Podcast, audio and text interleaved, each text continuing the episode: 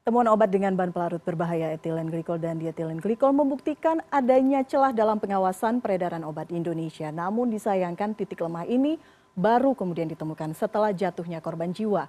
Apa kemudian yang harus dilakukan untuk memastikan menjaga standar mutu obat sehingga potensi obat tercemar bisa dihindarkan? Kita akan berbincang dengan Profesor Zulis Ikawati, Guru Besar Farmasi UGM. Prof, selamat malam. Selamat malam Mbak Elvira. Baik.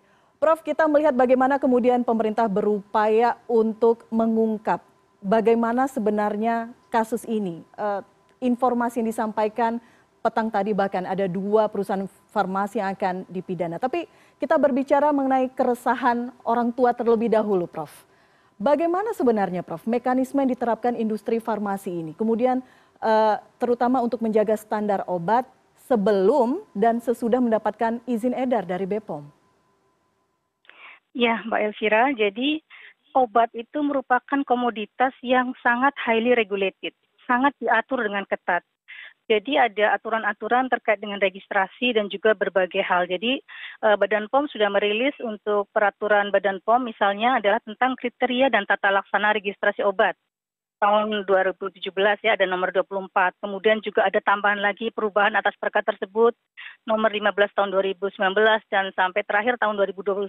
Jadi uh, aturan tentang registrasi dan juga kriteria tentang uh, registrasi tersebut sangat ketat begitu. Jadi mestinya uh, ketika industri farmasi comply terhadap aturan-aturan tersebut itu uh, pastinya akan bisa mencegah terjadinya hal-hal yang uh, tidak diinginkan seperti yang terjadi sekarang ini. Jadi misalnya pada saat akan melakukan registrasi dokumen-dokumennya itu harus benar-benar lengkap terkait dengan dokumen tentang bahan bakunya, source-nya dari mana, dan juga spesifikasi dan sebagainya. Itu sudah sangat harus sangat lengkap untuk kemudian setelah dievaluasi nanti akan bisa diperoleh izin edar begitu ya. Tentunya setelah izin edar diperoleh, tentu uh, industri farmasi juga tetap harus sesuai dengan apa yang sudah disubmitkan ketika dia registrasi. Hmm. Jadi misalnya bahan bakunya dari mana, kemudian spesifikasinya seperti apa, kemudian formulanya seperti apa, itu semuanya harus sesuai dan juga nanti akan ada selalu uh, inspeksi maupun audit dari Badan POM ya untuk pengawasan post marketnya begitu. Artinya ketika registrasi ini sudah jelas, misalnya bahan A, B, C, kemudian ada kadar tertentu yang dituliskan di dokumen itu. Bagaimana dengan misalnya bahan pelarut ini? Apakah termasuk dalam dokumen yang kemudian disertakan? Data-datanya masuk, Prof? Tentu saja, Mbak. Jadi eh, untuk karena kalau bahan baku itu wajib ya.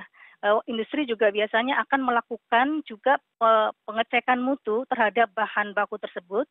Kemudian dia akan mensubmit itu ke Badan POM ya untuk bahan baku. Sedangkan untuk bahan tambahan seperti pelarut itu ada beberapa yang bisa diizinkan menggunakan COE. COE adalah Certificate of Analysis dari produk tersebut yang diperoleh.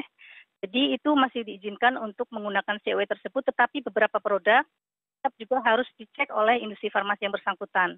Jadi dokumen-dokumen itu semuanya disubmitkan pada saat registrasi, Mbak. Okay. Apakah kemudian pada saat submit itu ada penyertaan ambang batas tertentu. Jadi misalnya uh, uh, ada batasan satu atau dua gitu. Saya kurang tahu biasanya submitnya pakai angka ambang batas atau seperti apa. Apakah ada ambang batas tertentu toleransinya? Iya, jadi seperti ini. Jadi misalnya eh, konteksnya adalah misalnya di etilen glikol dan etilen glikol ya yang sekarang menjadi pembahasan kita. Itu sudah ada patokannya sesuai kompendia sesuai dengan aturan farmakope ya. Kita biasanya menggunakan farmakope itu USP maupun di Indonesia. Itu mengacu misalnya uh, cemaran itu misalnya ada di etilen glikol dan etilen glikol itu maksimal adalah 0,1 persen di dalam uh, bahan baku tersebut. Dalam propilen glikol misalnya ataupun gliserol juga sama 0,1 persen. Nah, tentu nanti the, the industri farmasi akan memastikan bahwa uh, produk mereka atau bahan baku yang mereka pakai itu adalah harus di bawah ambang tersebut dan itu nanti disertakan kepada uh, Badan POM ya ketika registrasi dokumen tersebut hasil analisanya seperti apa begitu. Okay. Dan tentu saja kalau lebih dari ambang tentu dia akan harus mengembalikan saja ke supplier nggak mau terima dong gitu ya. Jadi mereka tentu harus menjaga betul agar uh, bahan bakunya juga sesuai dengan spesifikasi yang disyaratkan begitu. Baik. Uh, saya ingin menayangkan dulu cuplikan pernyataan dari Kepala Badan POM kemarin, uh, Bu Penny Lukito, yang kemudian membuat kita bertanya-tanya, Prof, bagaimana sebenarnya pengawasan peredaran obat di Indonesia? Kita simak bersama. Ya. Oh, standar kompendia atau standar pembuatan obat ya? Ya. ya. Standar pembuatan obat tidak mensyaratkan adanya pengawasan uh, pros, uh, produk jadi terhadap pencemar-pencemar tersebut. Ya. Nah itu sehingga itu memang tidak dilakukan. Jadi ke depan kami akan memperbaiki uh, dan lebih memperkuat uh, pengawasan baik di pre-market maupun juga di post market dengan beberapa ketentuan-ketentuan yang mengharuskan industri farmasi lebih e, melakukan sendiri menganalisa, memastikan quality controlnya lebih ditingkatkan. Bila membeli dari sumber lain, mereka harus meyakinkan juga tidak hanya berdasarkan pada certified of analysis misalnya yang dibuat oleh penjualnya, tapi mereka harus melakukan pengujian sendiri dari produk tersebut, meyakinkan dan baru mendaftarkan atau melaporkan pada Badan POM. Saya ulang kembali, standar pembuatan obat tidak mensyaratkan adanya pengawasan produk jadi terhadap pencemaran-pencemaran tersebut. Bantu kami masyarakat untuk memahami, Prof, apakah ini kemudian disebut titik lemah dari pengawasan BPOM? Iya, ini Mbak Elvira. Jadi di dalam aturan dalam komedia tersebut untuk pencemaran itu memang disyaratkan pada bahan baku, ya. Misalnya tadi yang saya bilang 0,1 persen maksimal uh, etilen glikol ataupun dietilen glikol pada uh, etilen glikol begitu ya. Nah kemudian memang di aturan di Kombindia itu pun di farmakope juga tidak disebutkan kalau di produk jadi itu harus seperti apa e, berapa batasannya tidak disebutkan begitu ya. Jadi asumsinya adalah ketika di awal mereka sudah comply dengan aturan tersebut artinya di bawah ambang maka diasumsikan bahwa tentunya di belakang tidak ada tambahan atau terdeteksi yang di atas bank batas tadi begitu.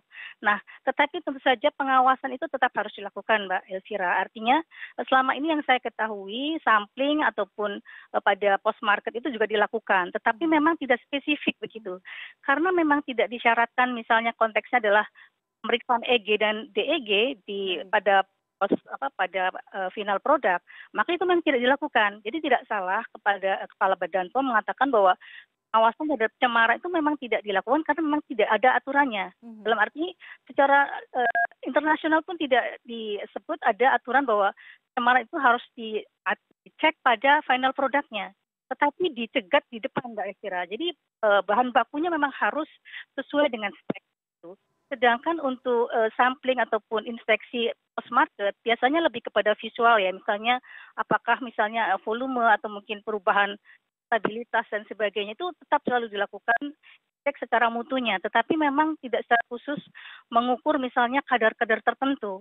Karena kalau semua cemaran diukur ya banyak sekali. Karena kan eh, cemaran itu sebenarnya bukan cuma itu ya, tetapi selama cemaran itu uh, tadi ya di awal di bagian ketika kita menyiapkan produknya bahan bakunya itu sudah masuk spek, maka sebetulnya akan bisa diasumsikan bahwa aman. Tetapi misalnya akan dilakukan uh, pemeriksaan tentu uh, saja memang boleh saja ditambah aturan seperti itu. Mm-hmm. Gitu. Oke, okay. uh, berarti dari sisi regulasi memang ada celah di sana. Itu yang kemudian menjadi tugas mungkin ya celah ini kemudian harus ditutup. Tapi tertarik saya tadi seperti Prof uh, sampaikan, tadi Prof Zulis menyampaikan bahwa ini dikembalikan lagi kepada industri farmasi seperti itu ya. Jadi jadi tanggung jawab itu ada di industri farmasi. Nah, begini Mbak, memang setiap industri farmasi punya kewajiban men menjamin bahwa produknya itu kan pasti bermutu. Dan di sana mereka selalu ada istilahnya ada quality assurance ya.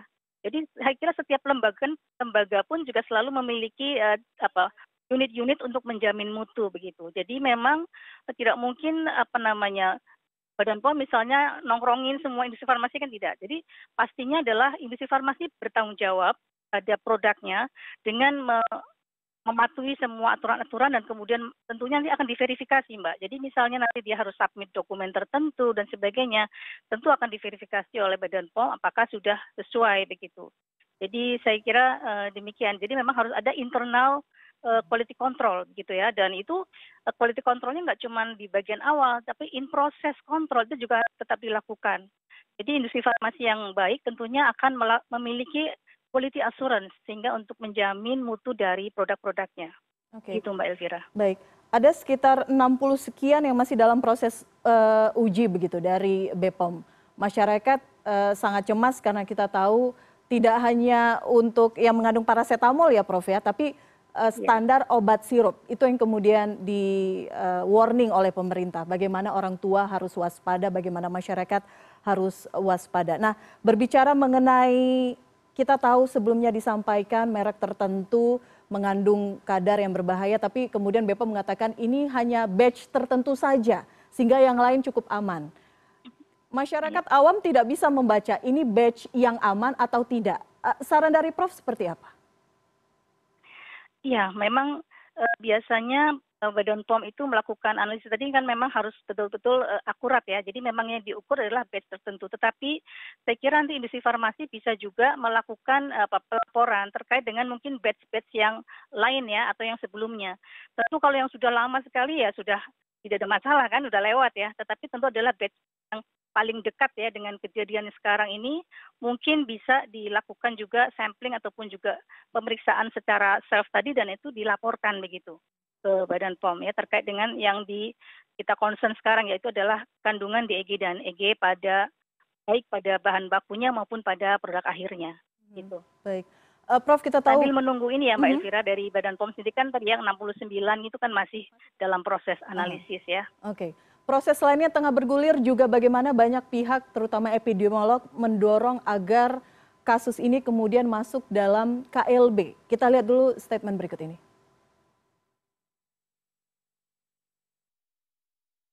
Jadi de facto ya, ini adalah outbreak, kejadian luar biasa. Karena definisi generik dan secara epidemiologi, ya, secara textbook ini adalah kejadian yang tidak lazim dan ada peningkatan kesakitan, kematian. Tapi de jure ini yang tentunya akan dipengaruhi oleh aspek leadership dan uh, manajemen risiko dari uh, pemerintah ya. Uh, yang tentu dipengaruhi oleh apa? Aspek politik, ekonomi dan lain sebagainya. Suara dari epidemiolog mungkin mewakili suara masyarakat. Bagaimana kasus ini kemudian harus kita dorong agar ditetapkan sebagai kejadian luar biasa, Prof? agar penanganannya penanganannya lebih maksimal. Harapannya seperti itu. Tapi bagi industri farmasi sendiri, apa yang kemudian bisa dilakukan secara cepat, secara taktis sehingga kemudian masyarakat, orang tua tidak khawatir merek-merek yang tercemar ini bisa diketahui secara pasti dan diumumkan secara gamblang kepada masyarakat, Prof. Iya, saya kira sudah disampaikan ya memang ada namanya self monitoring atau self assurance gitu ya. Jadi memang kalau kemarin kan kita juga sering melihat ada edaran-edaran di media sosial industri tertentu mengatakan bahwa saya tidak mengandung bla bla bla gitu ya. Tapi tentu itu eh, mungkin kalau hanya ke masyarakat barangkali uh, kurang tetapi nanti melalui eh, Badan POM. Jadi misalnya nanti industri farmasi yang memiliki produk sirup itu ya eh, bisa menyampaikan semua eh, produk-produknya terkait dengan dokumen yang concern terhadap itu. Kemudian nanti Badan POM akan ikut mengumumkan begitu. Karena kalau industri farmasi sendiri yang mengumumkan tentu akan dianggap masyarakat wah ini orang nggak mau apa istilahnya ya punya makan seperti defense mechanism gitu ya. Tetapi ketika badan resmi yang mengumumkan, tentu akan bisa lebih dipercaya sehingga itu bisa disampaikan juga jadi saya kira memang Badan POM kan sudah mengundang ya pada industri farmasi yang memiliki produk ini supaya bisa memberikan laporan ataupun bisa menunjukkan tadi ya bahwa produk-produknya tentu dengan dokumen yang valid ya bukan hanya sekedar pernyataan saja begitu. Okay. Saya kira itu bisa ikut membantu nanti kemudian Badan POM akan mengumumkan kepada publik untuk bisa apa lebih aman untuk masyarakat begitu untuk Baik. tidak khawatir.